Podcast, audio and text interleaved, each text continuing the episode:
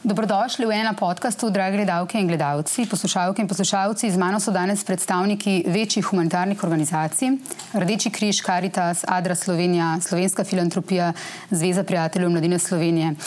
Pred štirimi tedni so se Sloveniji zgodile tragične, uničujoče, izjemne poplave, zato danes uh, gostim humanitarne organizacije.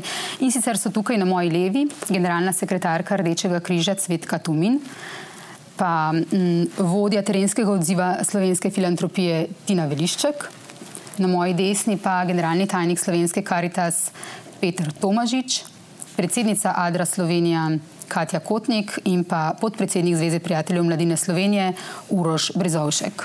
Lepo zdrav vsem, dobrodošli in hvala, da ste prišli in si vzeli čas vsi. Hvala, da ste En ena podcast Suzano Lovec.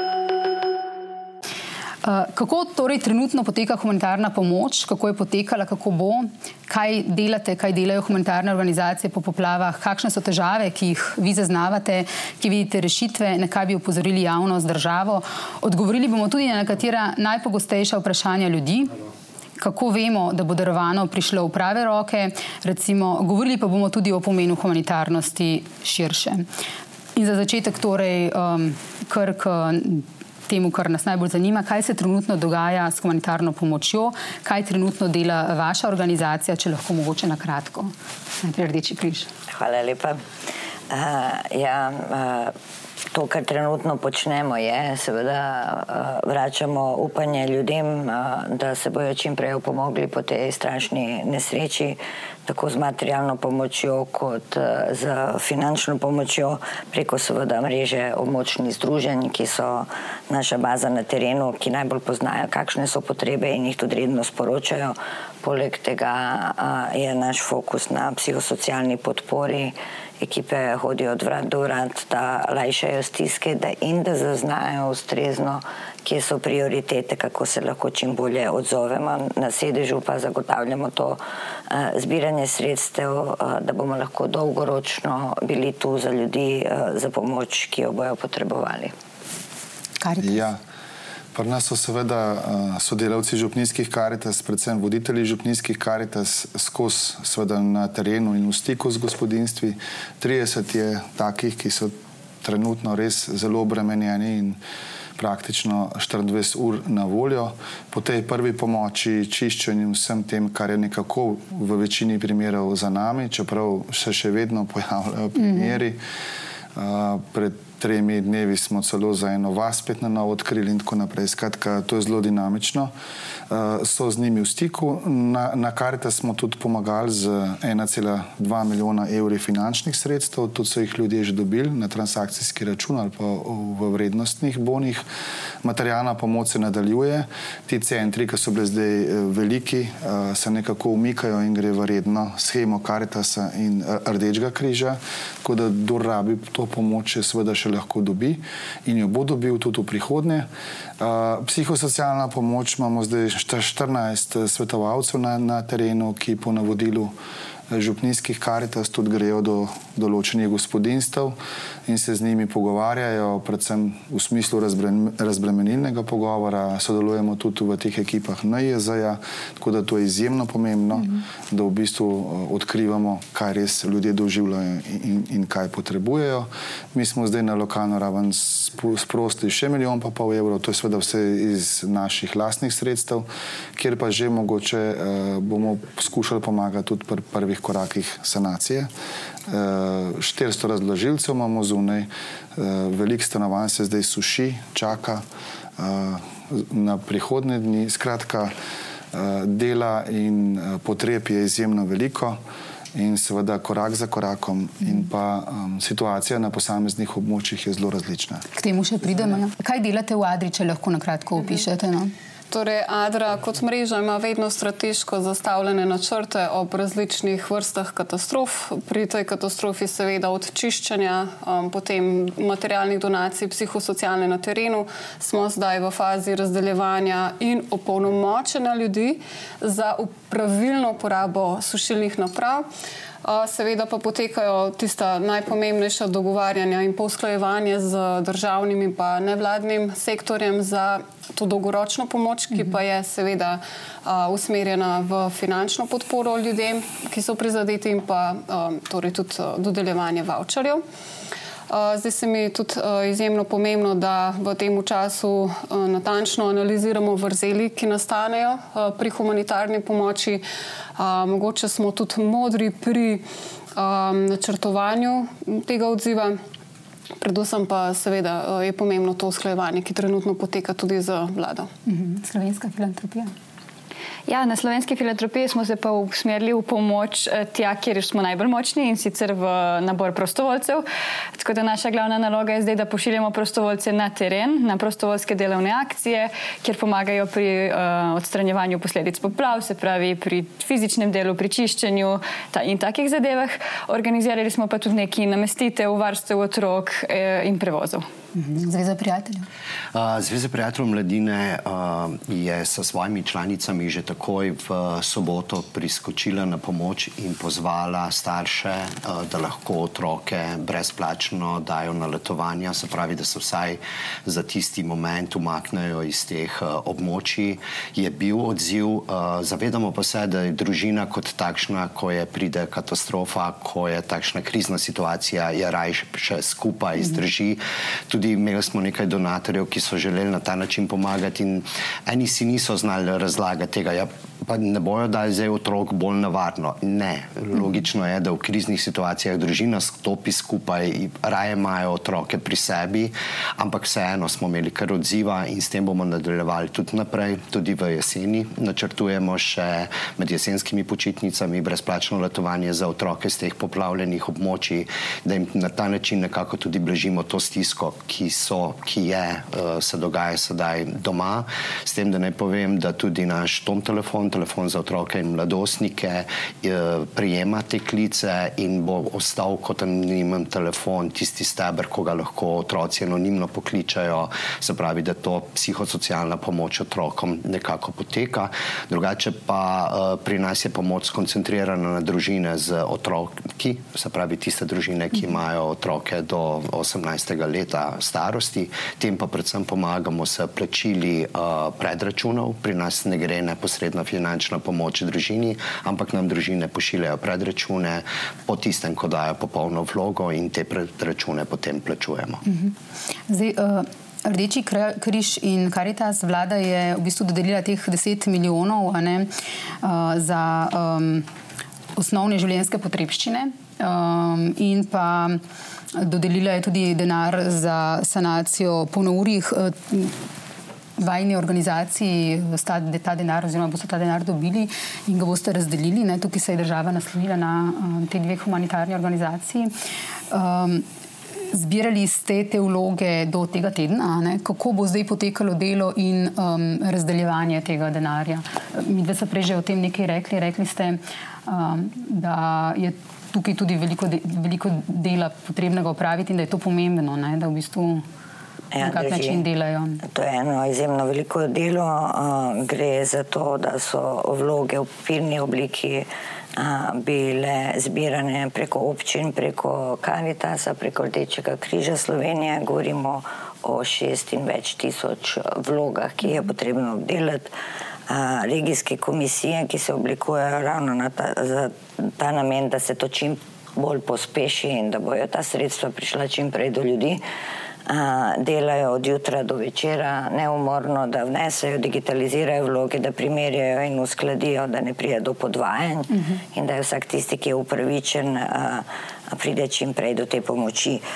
Dejstvo je, da so kriteriji, ki smo jih skupaj oblikovali in se o njih izrekli, bili poenostavljeni tudi s tem namenom, da vsak, ki je utrpel nesrečo bo prišel do sredstev, s tem, da pri kategoriji po neuri smo upoštevali tudi socialni kriterij. Tako da morda bo Peter še kaj dodal. Ja. E, včeraj je bil v bistvu to neuraden podatek še za enkrat, ne, ampak praktično je že več kot 8000 prošenj iz tega naslova prišlo, če govorimo za neurja in za poplave, kar je res velika številka in uh, potrjuje to, da vsak dan znova se, se situacija odkriva. Uh, za, ta, za neurja so bili zneski predvideni nekoliko večji, ker so sredstva namenjena sanaciji. Eh, vendar tudi tukaj bo verjetno eh, sredstvo premalo za to, kar smo mi zastavili od 500 do 15 tisoč evrov. Eh, Sveda je treba povedati, to, je, to so že sredstva za sanacijo, za vlogo A, ker je manj sredstev, milijon 100 tisoč in pa tudi manj vlog. Za poplave je pa prva humanitarna pomoč, ki je sicer 10 milijonov evrov na voljo, vendar je številka izjemno velika in so te prve pomoči od 500 evrov do 3000 evrov. Tudi tukaj ne vemo, kaj bo končna situacija. Skratka, tukaj gre pa res za tisto najnujnejše, kar so, so, so ljudje že rabili kupiti, od te osnovne opreme, če karikiramo tega, da ti odplavilo ščetko, pa do tistih osnovnih stvari, ki jih imaš v gospodinstvu. In to je šele prvi korak. Jaz, mi, mi, mi upamo, da bo sledil temu drugi korak. Tukaj je ogromen dela, sveda, da se te vloge obravnava na teh komisijah regijskih, tudi občine so, sodelujejo, tudi centri za socialno delo so, sodelujejo z namenom, da se to zgodi zelo hitro hiter in čim prej. In seveda upamo, da bo v prihodnem tednu a, možno to če kaj realizirati v finančni obliki, tako da bodo ljudje tudi dobili sredstva, najkasneje pa seveda do prve polovice septembra, da bo to zaključeno. Je pa treba povedati korak po koraku. Rdeči križ, Karita, Sadra, Zveza prijateljev mladine, država, skratka v nekih dveh mesecih bi si želeli, da bodo ljudje korak po korakom tudi iz centrov in tako naprej dobili nekaj izdatnejšega za to, kar se jim je zgodilo. Zagotovo bomo pa v vsakem naslednjem koraku še bolj fokusirani na so, socialno šibke, ne samo na tiste, ki so tu že bili, ampak pre, predvsem na tiste, ki so tu postali. Mm -hmm. um, videla sem, da ste objavili na Karitasu, ne, da v bistvu uh, pri tem zbiranju pomoči, ne prostovoljnim, to, kar pa smo darovali uh, državljani, humanitarnim organizacijam, da v bistvu ste napisali, da je bil največji odziv kadarkoli, ampak da tudi potrebe so večje kot ja. kadarkoli. Me zanima, če tudi druge organizacije v bistvu imate mislim, ta, to izkušnjo, da, da, da je tokrat. Pač res se je zgodila katastrofa, kot je še ne bilo, ampak da je tudi ta odziv slovencev in slovenk, oziroma prebivalcev Sloven, Slovenije in Sloven, eh, eh, takšen, kot ga še ni bilo. A to potrjujete tudi drugi. Jaz tako povem, da uh, tukaj se je pokazala tudi tista solidarnost. Mm. Naše članice iz uh, območij, ki niso bile prizadete, je dejansko skoraj vsaka v svojem ožjem lokalnem okolju organizirala neko zbiralno akcijo. Tukaj smo predvsem čistila, uh, so bila tista, ki so sedaj pomagala, higijenski pripomočki, uh, tudi voda. Vemo, da določena območja še danes niso priklopljena na vodovod oziroma nimajo pitne vode. Tako da ta solidarnost med slovenci se je pokazala v obeh smerih in zbiranju donacij, materialne pomoči in tudi uh, pri darovanju uh, finančnih sredstev oziroma denarja, ki smo ga, na, lahko rečem, na Zvezi prijateljev mladine Slovenije do včeraj zbrali skoraj 650 tisoč. Uh mhm. -huh. Jaz sem pred nekaj dnevi uh, govorila tudi s humanitarčkom, s humanitarno organizacijo, žal njeni predstavniki danes niso mogli biti tukaj z nami. Uh, govorila sem z Nino Kozorok in ona je, recimo, oni so bili tudi zraven od začetka in uh, tudi sami opozarjajo na nekatere stvari. Um, Rekli so, tako kot ste vi prej rekli, mi je rekla Nina Kozorok od lokacije do lokacije je zelo različno organizirano, da je treba v bistvu neke specifike lokacij uh, upoštevati ne, uh, pri pomoči. Uh, recimo, rekla mi je tudi, da se pokažejo pri, uh, pri tej humanitarnosti uh, in pri pomoči neke stvari, na katere ljudje, običajni ljudje, um, ne pomislimo. Vi, humanitarna organizacija, pa te stvari bolje poznate, veste, kako gre. Recimo, ona je rekla, um, naprimer, fajn je dajati vodo po 5 litrov, ne po 0,5 plastenke. In da se tudi recimo že na terenu, da že opažajo, da se eh, nabirajo smeti, da že obstaja ta problem smeti, to verjetno tudi uh, druge organizacije opažate. Uh, potem humanitarček, uh, oni so takrat zaznali tiste težavo s krajami, ne, da so se v bistvu darovane ali pa uh, vre, vreče s peskom in podobne stvari, da so jih utujevali, da je prihajalo do kraj, ampak so potem to uh, po družbenih obrežjih obvestili ljudi in policijo, in so se, uh, se je zgodilo to, da so ljudje, tisti, ki so oduzeli, ki so vzeli te stvari, začeli stvari vračati. Tako da v bistvu. Um, so neke stvari, na katere v bistvu vi, humanitarne organizacije, uh, lahko uh, upozorite ljudi, državo, tiste, ki dajemo uh, in tiste, ki prejemajo. Kaj so recimo tiste stvari, na katere bi uh, opozorili, recimo javno? Ali pa neke težave, ki se dogajajo, pa um, mogoče ne pomislimo na njih. Ja? Mogoče bi jaz tukaj omela, ne, da do takih stvari prihaja. Um, predvsem zato, ker v času miru uh -huh. ne načrtujemo pravilno odziva. Torej, tudi um, trenutno te stvari, ki so se ali lokalno dogajale, ali na regionalnem nivoju, ali na nacionalnem, je v kar veliki meri lahko preprečati s tem, ko se učimo od recimo mednarodne skupnosti in res smo pripravljeni na uh, izzive, ki se dogajajo na terenu, in pa tudi rešitve, ki jih lahko pripravimo skupaj. In jaz bi samo tako eno tako generalno izjavo dala, ne, da bi bilo res super, da na državnem nivoju in skupaj v nevladnem sektorju načrtujemo, um, glede na vrsto katastrofe, odziv že naprej.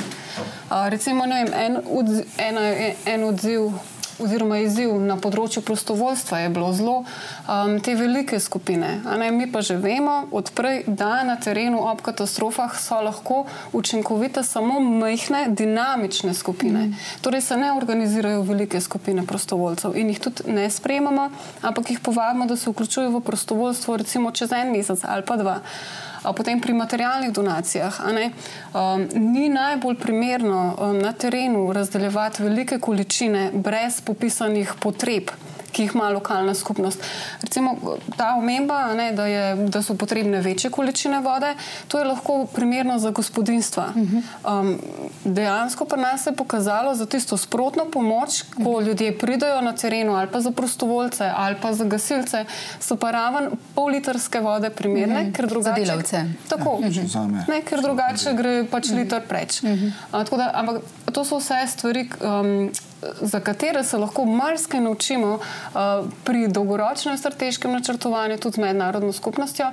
Mogoče bi na tem mestu samo še omenila. Ne, Kar se tiče donacij, ne, Adra Slovenija je zbrala nekje 300 tisoč evrov, ampak moram, moram povedati, da seveda solidarnost ljudi v Sloveniji je ogromna, ampak interes mednarodne skupnosti, naše mednarodne um, mreže je bil dejansko istokratni. Mhm. Tako da ja, izkoristiti tudi to znanje, ki ga imamo od kolegov, um, pa se učiti za naprej. Mhm. Se, če ja. smem tukaj ja. dodati, ja. se popolnoma strinjam s tem, kaj Maja navedla in sicer, da bi morali, žal se ponovno a, pogovarjamo o tem, ko se nekaj zgodi, kaj bi lahko, pa nismo. In a, to se ponavlja, jaz sem med tistimi a, z sivimi lasmi, pa Peter tudi in to vemo, ampak prostor ravno zato je zdaj, bi že moralo biti in se strinjam z enim načrtovanjem, da se spoznamo prej in da se na stvari pripravimo.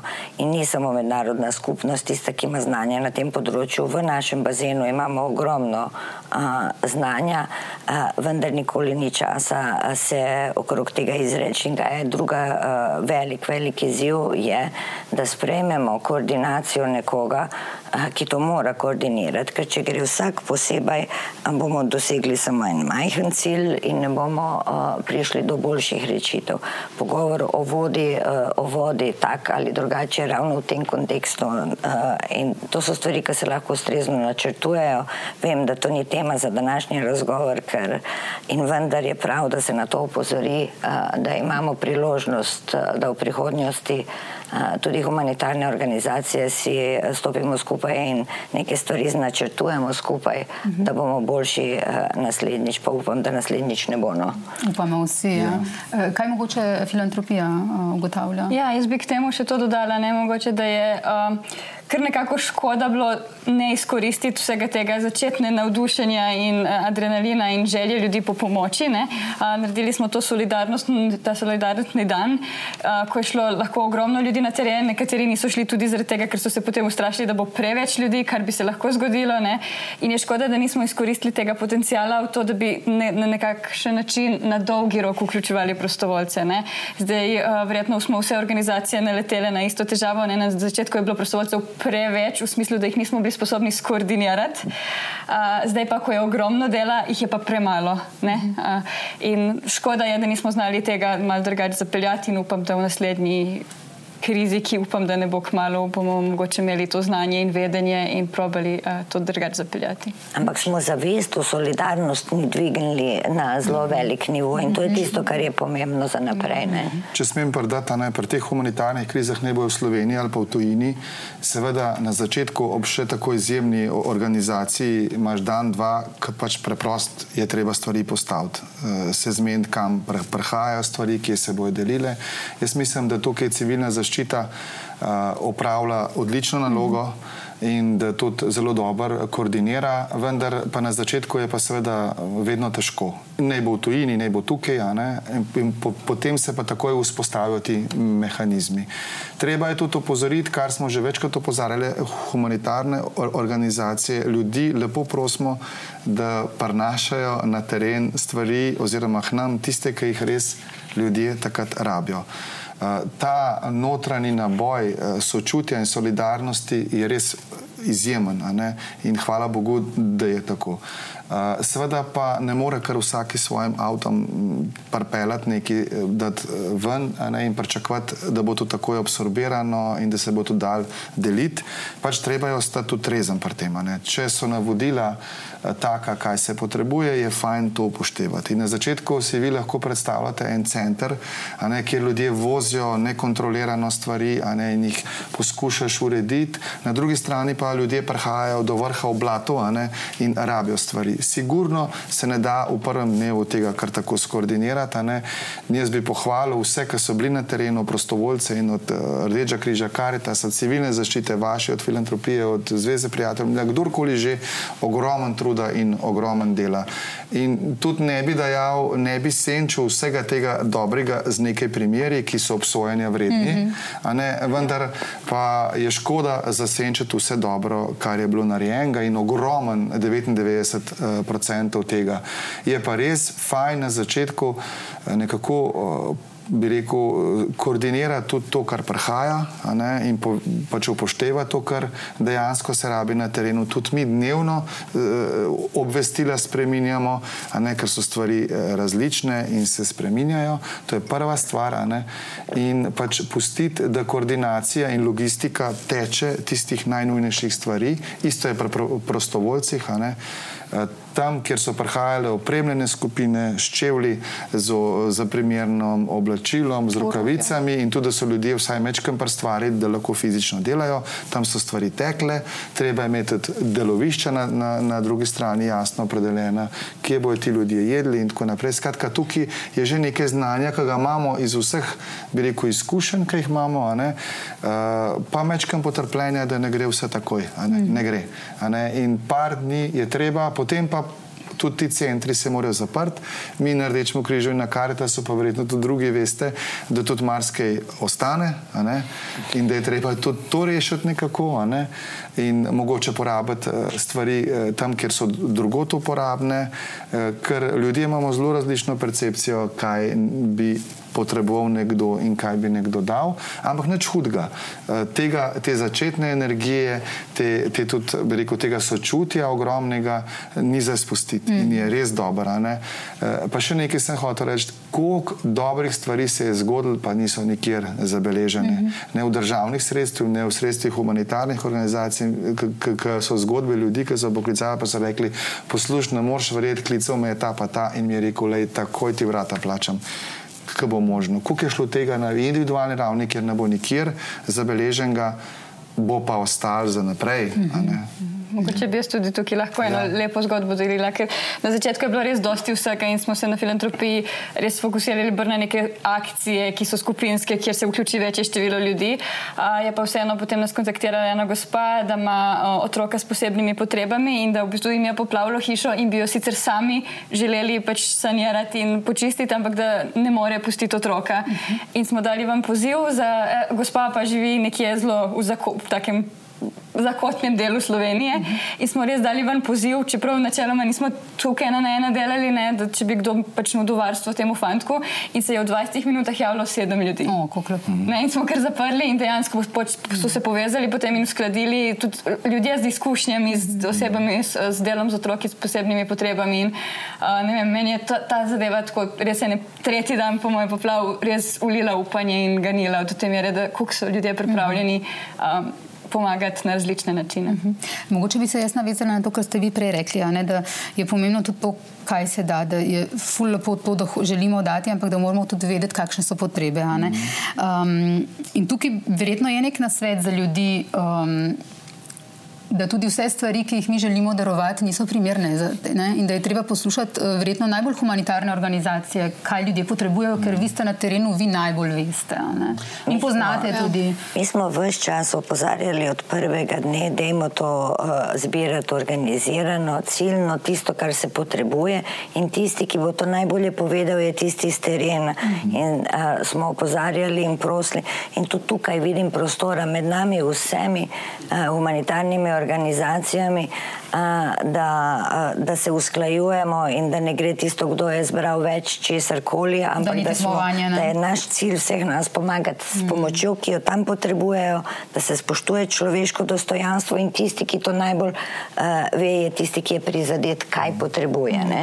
In tudi okoliščine, to se dogaja zdaj avgusta, zagotovo niso zdaj oblačila glavna stvar, je bilo pa kar nekaj odej potrebnih na marsikih koncih, če bi se pa to dogajalo decembra, bi bila pa situacija čist drugačna. Ampak najprej so seveda osnovne stvari, hrana, to, kar res ljudje rabijo takoj, potem pa po, po korakih. In tudi tukaj se je ogromno stvari je prišlo, bi rekel, ta pravih in dobrih in so se tudi lepo skoordinirale, čistila, razkožila od hrane in vsega, kar ljudje potrebujejo in je v redu.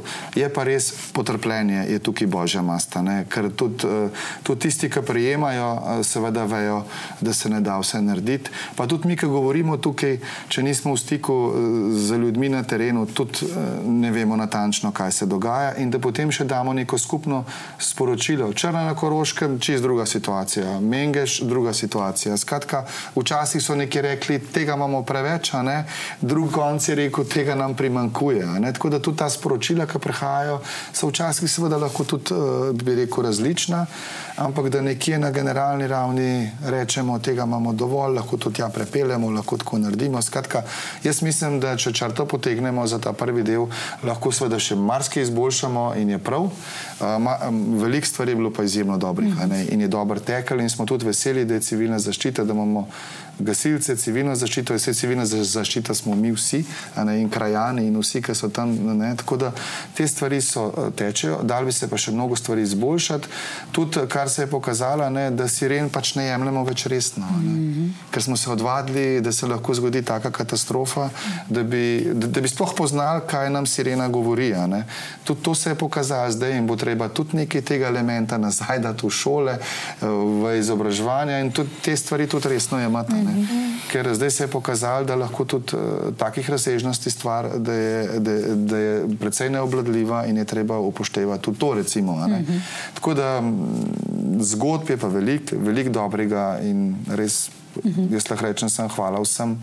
Kar so vse ljudje naredili, pa se tudi nikjer ne bo videlo mm -hmm. in ne bo objavljeno. Mm -hmm. ja. Želeli ste? Ja, mogoče bi se sam navezala na dve stvari. Um, Točno to se mi zdi, da v bistvu um, ljudje smo zelo navajeni, ko vidimo kakšno situacijo, ki ni bila najboljš um, izvedena, da se na to uklepamo. Ampak uh, res je izjemnega pomena, da vidimo rešitve tudi pri tem. In tako, Peter, se mi zdi, da super je to zdaj nekako zaključil v smislu, da. Um, zgodba je vseeno zelo pozitivna, da nas tudi ljudje zunaj Slovenije vidijo kot Slovenija, družina solidarnosti. Mm -hmm. Mislim, to je, jaz osebno čutim izjemen ponos mm -hmm. na, na svojo državo in na ljudi in na odziv, ki smo ga uh, bili sposobni izvesti. Mm -hmm. Tako da ja, pač. Uh, iskati rešitve in tisto pozitivno, kar se je zgodilo, in od tega se učiti.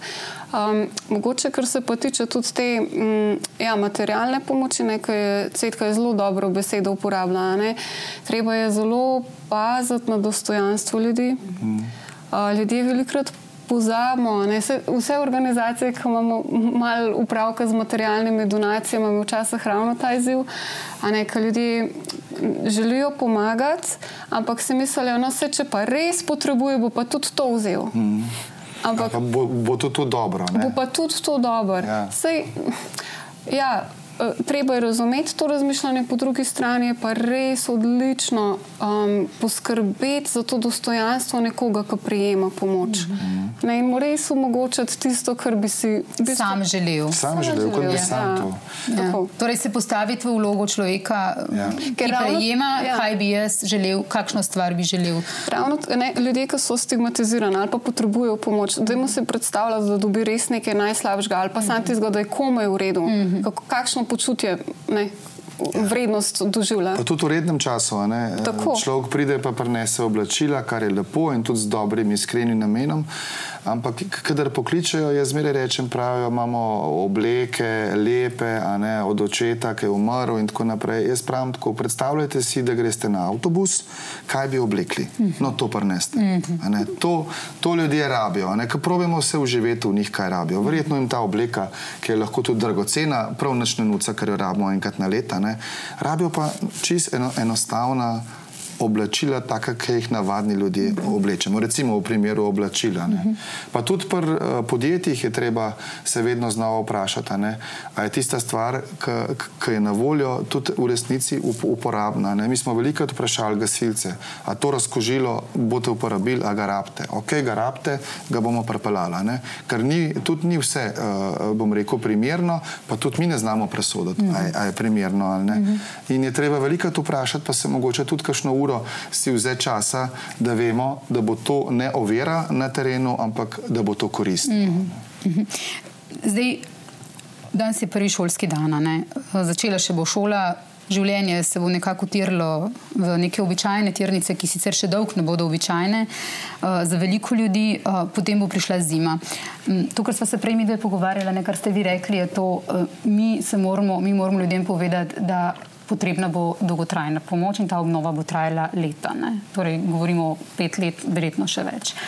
Um, in da morajo biti uh, ljudje tisti, ki, bodo, um, ki jim bo potrebna obnova, in tisti, tisti ki, darujejo, ki darujemo, na to pripravljeni. Um, rekli ste tudi, mi humanitarne organizacije vemo, v bistvu, kako potem pade to zanimanje. Lahko malo to opišete. Pa, uh, poveste, kaj bi tukaj mogoče javnosti sporočili. In to ste rekli, to je normalno, da potem zanimanje pade. Ne? Ja, normalno je, eh, da je, ko se nekaj zgodi, da je, tak, eh, da je odziv velik in pozitiven, to, kar je bilo izpostavljeno, to je izrednega pomena, ampak to je potem potrebno negovati. In vendar po določenem časovnem obdobju interes pade, ljudje se morajo vrniti tudi drugi v svoja normalna, redna življenja in ni tega časa.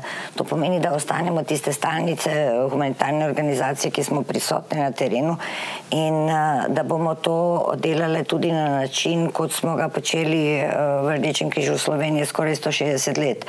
Pa, in vendar pri tej pomoči zdaj, ko govorimo o poplavi, obseg nesreče, ki se je zgodila, je tako izjemen, da tudi posledice ne morejo biti odpravljene v enem mesecu. Enostavno uh, ne gre.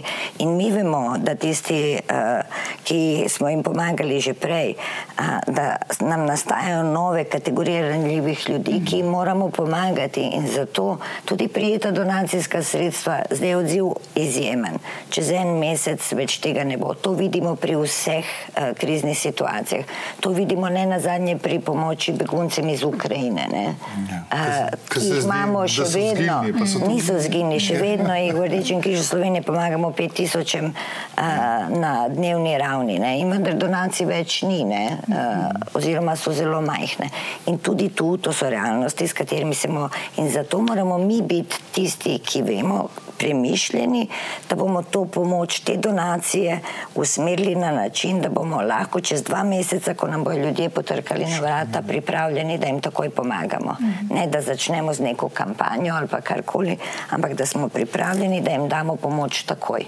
Mhm.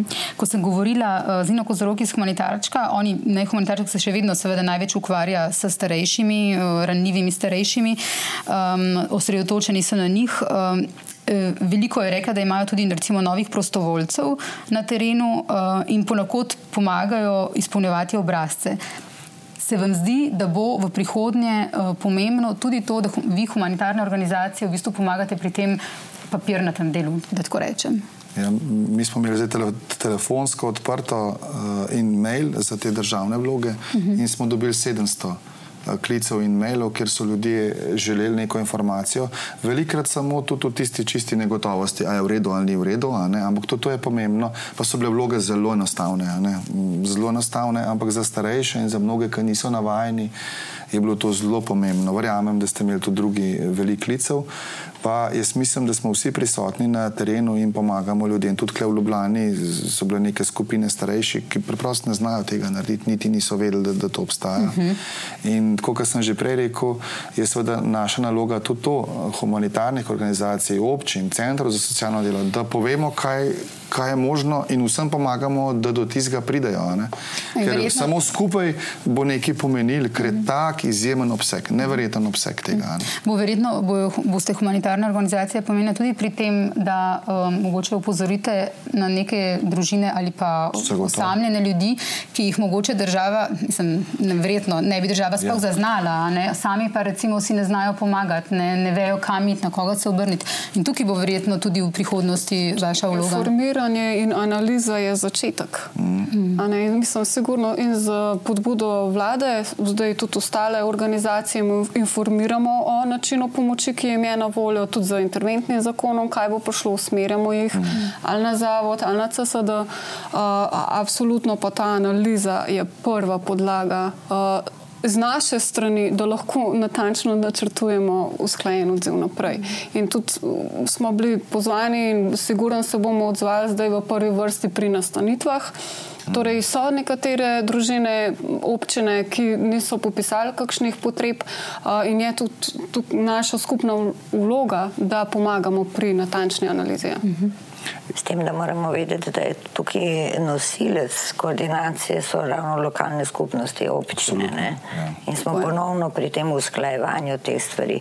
In ja, prostovoljci so pomembni, potrebni tudi pri administrativni pomoči, mm -hmm. ker s čemer se srečujemo sedaj. Imamo eno kategorijo digitalno pismenih, bom rekla, ki lahko vse vloge oddajajo hitro in se čudijo na papirnate obrazce, ne, ker drži in imamo še kar močno populacijo tistih, do katerih je težko priti, ki jim je treba pomagati. Uh, ki jih je treba poiskati, da se jim sploh pojasni, kakšne so njihove možnosti. Mm -hmm. Pa da se vidi, če to pomoč sploh želijo prijeti. Mm -hmm. Pa tudi se mi zdi pomembno to, kar smo rekli za občine. Ne? Če ne bo na vsaki občini neka koordinacija centra, občine in humanitarnih, potem smo ga smo pogrnili. Ker pač e, specifike in to, kar se bo dogajalo v naslednjem letu, je treba dobesedno ujeti in, in, in, in zaznati.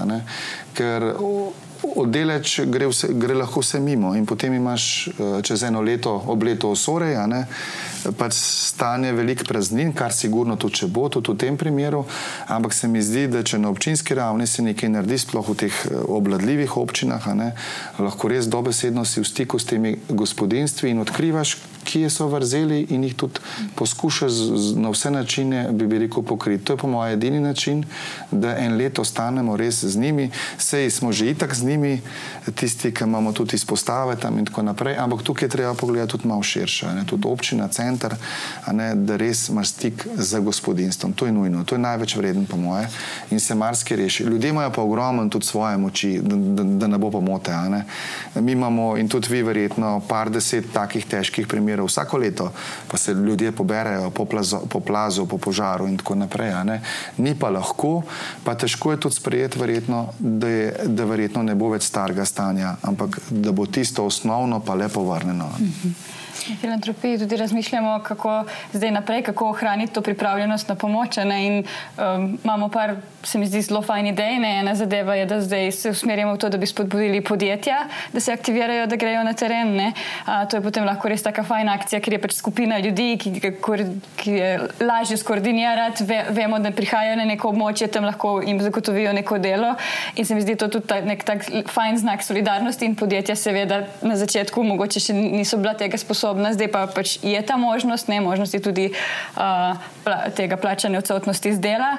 Uh, tako da lahko podjetje to uporabijo tudi kot eno tako zelo fajn korpo akcijo oziroma team building uh, in ne, tudi se, naredijo nekaj koristnega, hkrati pa se povezujejo. Uh, razmišljamo tudi o tem, uh, kako bi vključili študente pa dijake z nekih specifičnih študijskih uh, študijev oziroma smeri, ki so pač strokovnjaki oziroma bodoči strokovnjaki za obnovo hiš, za vem, elektriko, gradbeniki in tako dalje, da bi jih vključili, da bi se kot v prakso v obnovo in ne nazadnje, da bi spodbudili prostovoljstvo v šolah, še posebej na nekih poplavnih območjih, da bi se malo več govorilo o tem, kako pomagati so človeku na kakšen mhm. način in da bi se tudi otroci že bolj zgodaj začeli zavedati, kako je to pomembno. Mhm.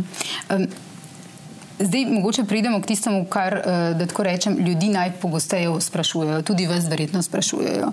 Eh, kako zagotoviti, da pomoč pride v prave roke? To vas verjetno veliko sprašujejo, torej o tej transparentnosti. Kako veste, komu dati, kdo je pomoči potreben in kako naj vem, da, ne, to rečejo ljudje, da bo prišlo moj dar, mo, to, kar jaz dam, v prave roke. Um, mogoče Rdeči križ. Vedno znova podarjamo, mi smo zavezani transparentnosti in vse, kar prejmemo, je jasno po računih in je eh, pregledno in smo podložni zunanji reviziji a, eh, za vsako stvar in se temu primerno tudi obnašamo. Zato tudi a, eh, vse gre a, preko računov, nič ne gre v, bom rekla, v, preko denarja a, in tisto, kar prejmemo, skladno z namenom tudi razdelimo. Ne? Če ljudje donirajo preko SMS-ov sredstva za pomoč ljudem v poplavi, bojo ta sredstva tudi prišla do ljudi v različnih oblikah. Ali bomo iz teh sredstev kupili kvas in ga poslali na območje, ki ga nujno potrebujejo, ali bomo plačevali položnice, kot ste rekli, v vsakem primeru to je način dela in je pregleden in je transparenten.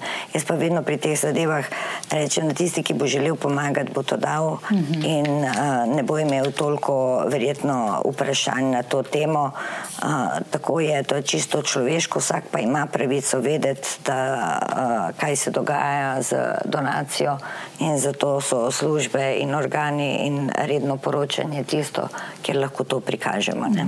Tudi tokrat so se recimo pojavljale neke te fake news, lažne novice v smislu 90 odstotkov, odstotkov gre potem darovanega za plače zaposlenih, 10 za pomoč potrebnih, kar absolutno ni res. Uh, se soočate recimo humanitarne organizacije pogosto s takimi? Um, Um, Izvoli.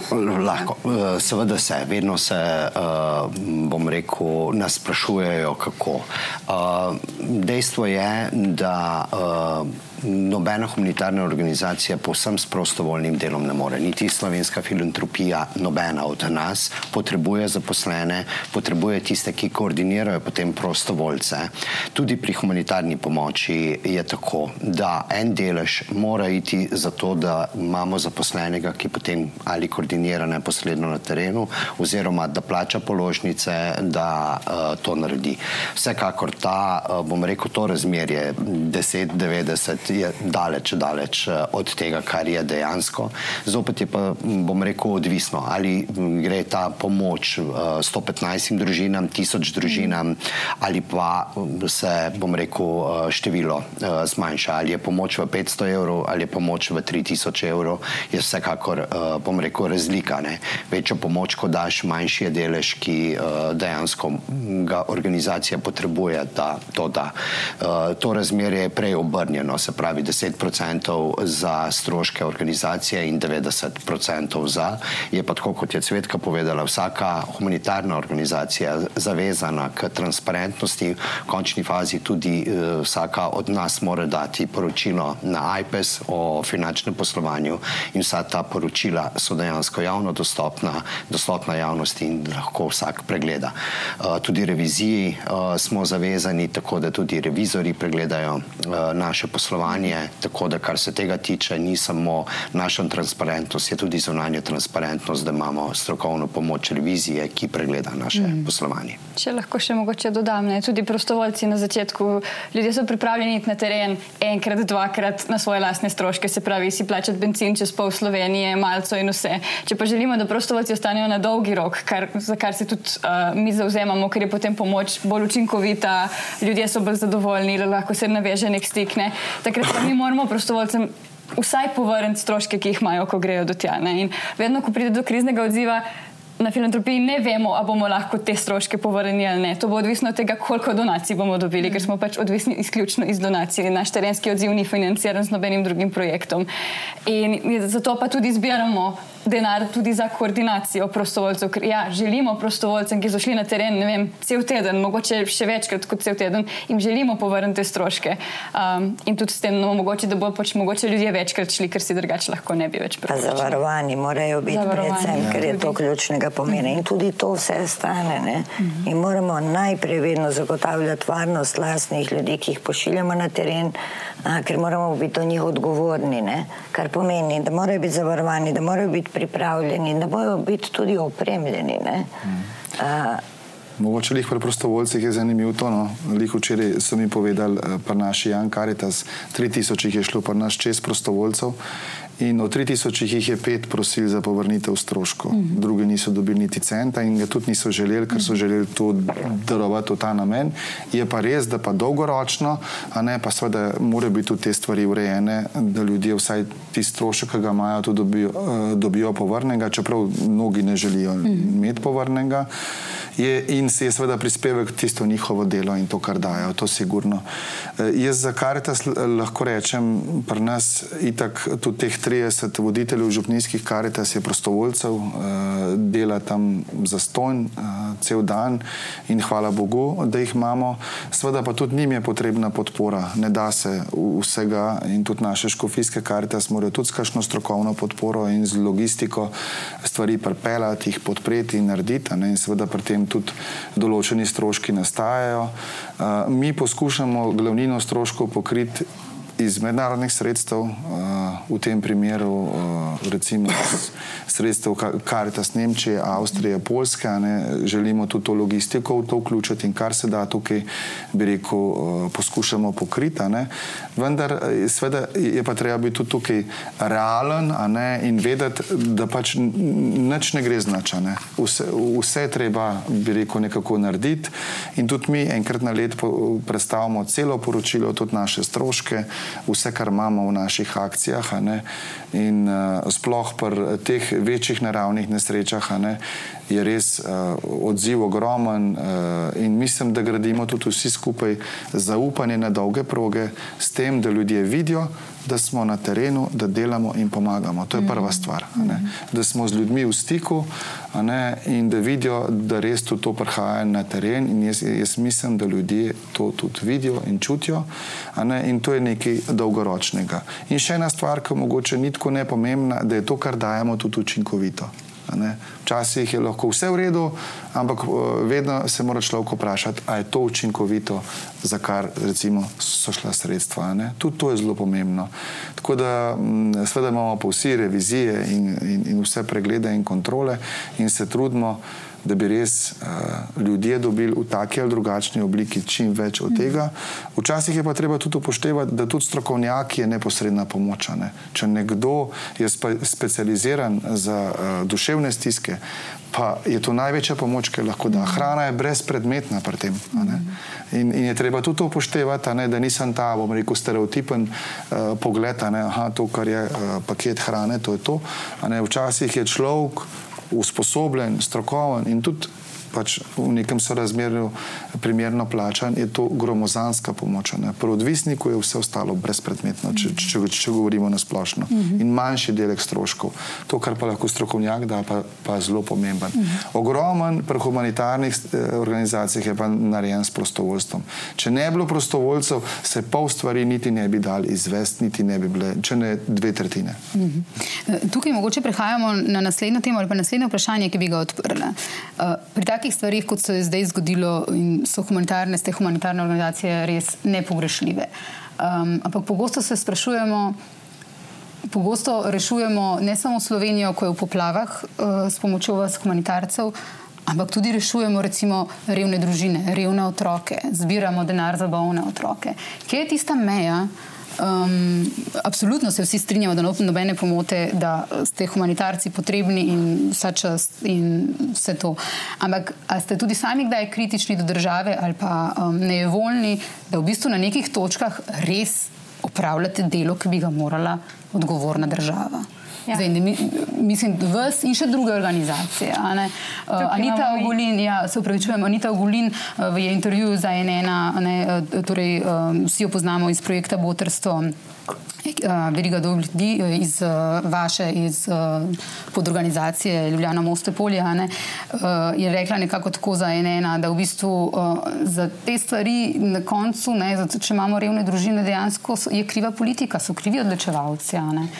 Ja, tako da me zanima, eh, ali kdaj čutite eh, tudi pri svojem siceršnjem delu, ne govorim zdaj na, na polju poplav, um, neko jezo do države, da v bistvu ste sploh potrebni uh, ali pa so potrebne organizacije tam, kjer res bi morala država. Sam, uh, ja. Tisti, ki se znajdejo v tej stiski, niso krivi. Absolutno da država ne. ni poskrbela za njih. Tukaj imamo mi res nehvaležno vlogo. Ja. Ne? Ja. Ker po eni strani, ja, to je naša naloga, to je naše poslanstvo, mi smo nevladne organizacije, uh, pomagati ljudem je naše poslanstvo, hkrati pa moramo vedno biti pozorni na to, da ne prevzamemo nalog države oziroma da vedno in skozi opozarjamo, to zdaj mi delamo, ma to ni v prvi, to mogli, to je v prvi mestu naloga države. Mi bi mogli biti tisti nadstandardni. Mm. Na filantropiji, ko dosti delamo z migracijami, recimo to dosti upozarjamo. Ne? Idealno bi bilo, da smo mi pomoč pri integraciji, ne da nudimo tiste nujne integracijske korake. Tisto je naloga države. Ne?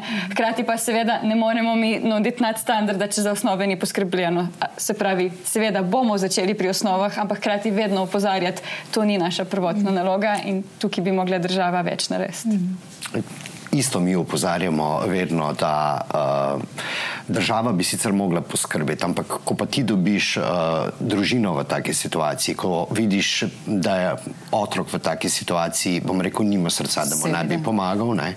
Po drugi strani se pa trudimo tudi na sistemski ravni eh, v sodelovanju z ministrstvom, z ministrstvi lahko rečem, jih opozarjati. Tukaj bi mogli, uh, bom rekel, več narediti. Je pa tako, ne, da vsake štiri leta imaš novega sogovornika sogovornika in je včasih kar težko uh, postavljati dolgoročne politike, ker končno se neki uh, dogovoriš, kakšna sprememba bi bila, pridejo volitve, novi ljudje, mm. nova pogajanja oziroma novi pogovori. Mm.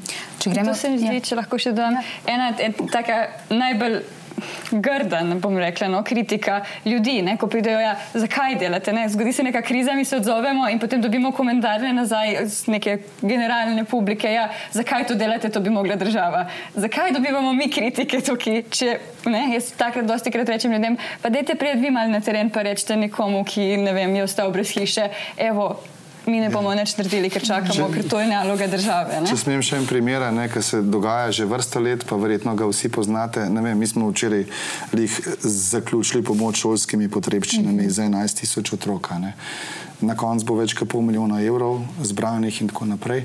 Ampak vsakeč povemo, a ni nenormalno, da delovni zvezki niso za vse otroke zaston v šoli. Kaj se bi, bi, bi rekel, moramo mi s temi stiskami mhm. nasploh ukvarjati. Ne? In tudi, ki je bila zdaj ta, ta debata o kosilih in podobnih stvarih, smo tu skozi opozarjali. Najprej rešimo to. Otrok mora priti v šolo in ne sme biti breme to za starše. Otroci so že itak redkost v naši družbi, vse večja. Mislim, da če že drugega ne je, pač treba v vsakem primeru to razrešiti. In to, kar je za prve triade, je dober, eh, do, do, dober moment, ki se je zgodil. Recimo, pa še ena skupina. Vsi vemo, da je kar en delež eh, v evidencah brezposelnih, za katere vemo, da nikdar ne morejo stopiti na trg dela. To lahko mi potrdimo, to lahko na Zavodu za zaposlovanje potrdijo. In vsi se vrtimo, in nekje so, v resnici pa ni za njih poskrbljeno, da bi lahko normalno živeli, pa mogoče delali eno uro na teden, štiri ure na teden in tako naprej. Skratka, to je tudi naša naloga, da na to opozarjamo in spodbujamo politiko. Kako smo pa uspešni, je pa druga zgodba. Ja, jaz mislim, da ravno ta uspešnost je tudi, no, da če cel čas razmišljamo o istem, kot smo na začetku ja. izpostavili rešitve, lahko upozarjamo, ampak res z terena ja. moramo priti s konkretnimi rešitvami, mm. tudi s podbudami, tudi v bistvu s potrpežljivostjo, ker stvari se velikrat ne zgodijo čez noč. Ampak mi, mi smo tudi na začetku te krize ljudi, ljudi spodbujali k dolgoročnemu razmišljanju. Ni instantnih rešitev, ki bi bile res lahko kvalitetne. Ne? Tako da vse usmerjenost v rešitve in razmišljati čim bolj dolgoročno, mm -hmm. nasplošno kot narod. Mm -hmm. Ko govorimo uh, o, ja, ste hoteli še nekaj? Ne, ko razmišljam s pozornostjo, poslušam uh, v Rdečem križu Slovenije, je, mi smo, uh, imamo svoje poslanstvo in smo tudi uh, pomočnik javnim oblastem uh, pri uh, izvajanju aktivnosti. In ko poslušam, pa razmišljam, predvsem razmišljam v smeri, Aha, mi smo tu, da pomagamo tam, kjer je pomoč potrebna in seveda, da opozarjamo na težave. Ampak v zgodovini človeštva je vedno bila javna oblast in so bili tisti, ki so pomagali. In mislim, da je iluzorno razmišljati, da bo kdajkoli drugače. Ne? Torej, da se fokusiramo, da tam, kjer lahko naredimo spremembe, da smo tam prisotni in to mi počnemo v naši organizaciji. No? In tam, kjer ne more država, ne, tudi na karita smo itak in verjetno vsi vi, vse več ljudi, ki imajo minimalno minimalne plače pa nam hodijo. Pač po papirjih, na rekovajih, niso revni, e, po cenzusih in tako naprej. Mi pa vsi vemo, da so revni mm. in pridejo k nam po pomoč.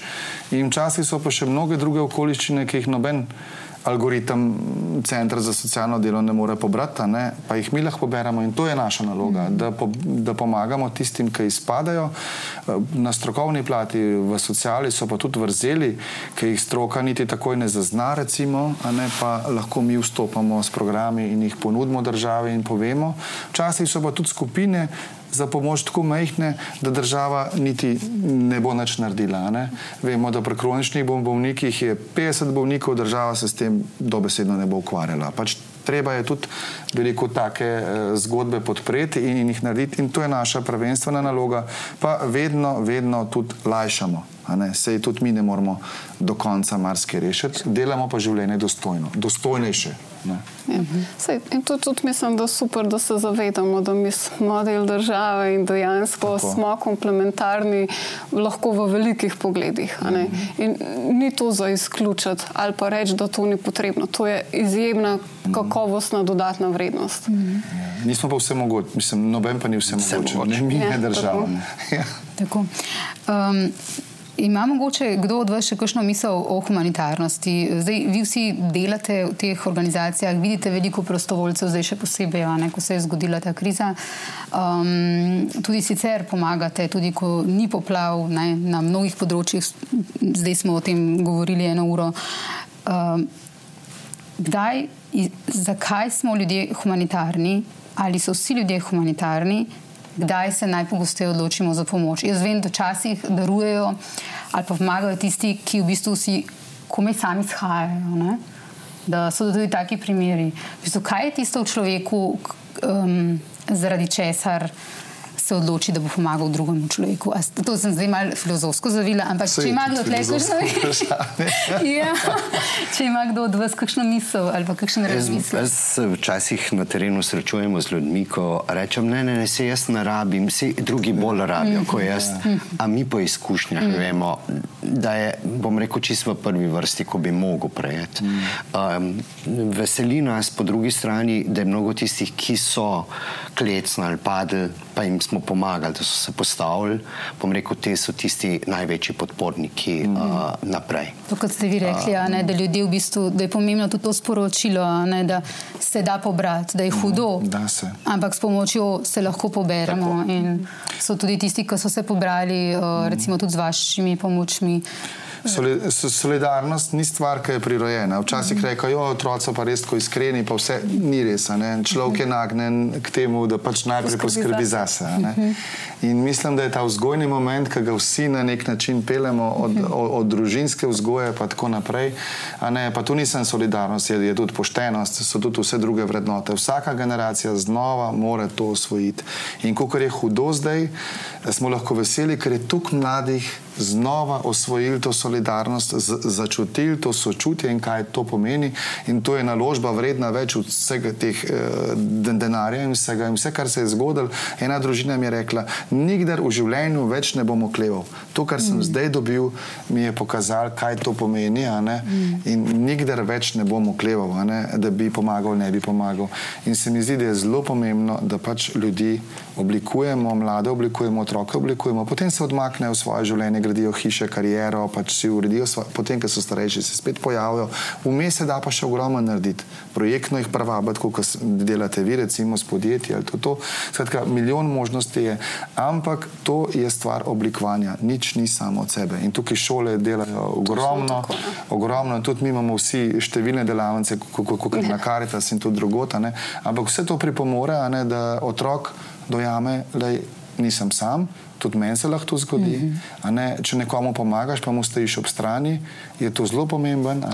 In vse ta izkustva grejo v življenju naprej in nas pol delajo ljudi. Vse ostalo je pa samo uh, matematika, če že hočemo, in uh, to, kar v bistvu tudi veliko to stane. In se mi zdi to nekaj izjemnega. Drugo pa tudi to, ne, da je odnos izjemno pomemben. Ne? Vse je lahko, vse je fajn, Sam, če pa ni odnosa, če pa ni stika z drugimi, je pa vse za ston, da lahko si bogat, ne vem, kaj še našti ne pomaga. Ne? Ja, ravno, ja. ravno ta odnos in prijaznost je izjemno neposredno povezana s sočutjem. Mm. Jaz bi tukaj sam rekla, točno tako vrednostni sistem, ki ga imamo in učimo v šolah, v vzgojno-izobraževalnih ustanovah, je ključen za našo družbo. In ne more to spremeniti nikogar, če mu ima že od začetka vrednostni sistem pravilno oblikovan. Bo dejansko to generacijsko nadaljeval ko govorimo in o solidarnosti, in o sočutju, in tudi o prostovoljstvu. Ne, si jaz vedno dovolim eno tako zelo drzno izjavo, ne, da v bistvu tudi sočutje, pa prostovoljstvo, pa to, to je nek tak egoističen vzgib. Ne, zato, ker ljudje smo socialna vr vrsta in ljudje, ko s tem, ko pomagamo drugim, se mi dobro počutimo. Ne. In tudi mene, ko vprašaš, zakaj sem prostovoljka, rečem, ja, zato, ker se imam jaz fajn. Uh, nisem ta egoizem tukaj, ki je tukaj yeah. Ja. peven.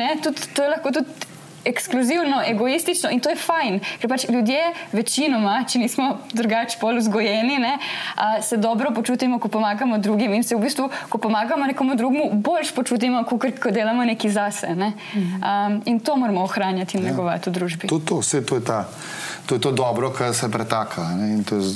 Tako kot ste rekli, to vsak začne pri sebi, v svoji primarni celici. In jaz prem, ko poslušam, pa si razmišljam, zakaj to počnem. Ne vem, ker tako čutim, mm. ker je, to je, je del to mene, moja bit, da to počnem. Mm. A, ker mi je to bolj pomembno kot katerekoli materialna stvar. Ne? Le, le zdaj sem gledal en dokumentarc, pač nima veze, ampak eh, ko so stoletnike poročvali, eh, zakaj so sto let stari. In ena izmed eh, tistih kategorij je bilo tudi prostovoljstvo. In se neko vidiš, to pač pomaga, da greš ven iz svojih problemov in se postaviš v kožo druga. Mhm. Mi imamo tudi ene programe, kjer v bistvu dolgotrajno brezposelne vključimo v neke delavnice in tako naprej. In kaj smo opazili? Pač ljudje so prišli ven iz te svoje samote kar naenkrat si med sabo pomagajo, kar naenkrat so veliko bolj zadovoljni, ni se pa spremenili nič v materialnem smislu za njih. In je to, to je izjemno pomembno no, in zelo dragoceno. Najlepša hvala uh, vsem. Ker ste prišli, hvala za to, kar počnete in kar počnejo vaše organizacije. V bistvu hvala tudi drugim organizacijam, ki jih danes tukaj ni, pa tudi opravljajo veliko delo. Tako da še enkrat hvala lepa. Hvala za povabilo. Hvala za povabilo.